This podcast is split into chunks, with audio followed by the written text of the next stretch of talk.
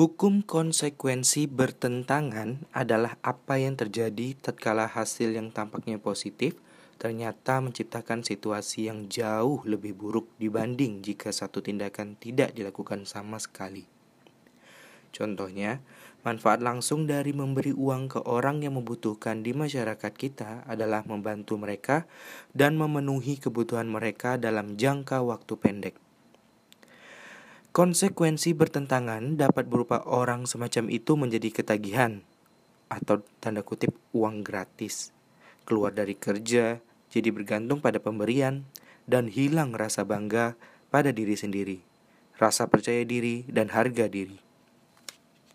Orang seperti ini berakhir dalam situasi yang jauh lebih buruk dibanding tindakan itu tidak dilakukan sama sekali. Dalam masyarakat, alasan utama untuk program sosial dengan memberi uang kepada orang yang bernasib kurang baik selalu merupakan upaya untuk membantu mereka memperbaiki kualitas hidup.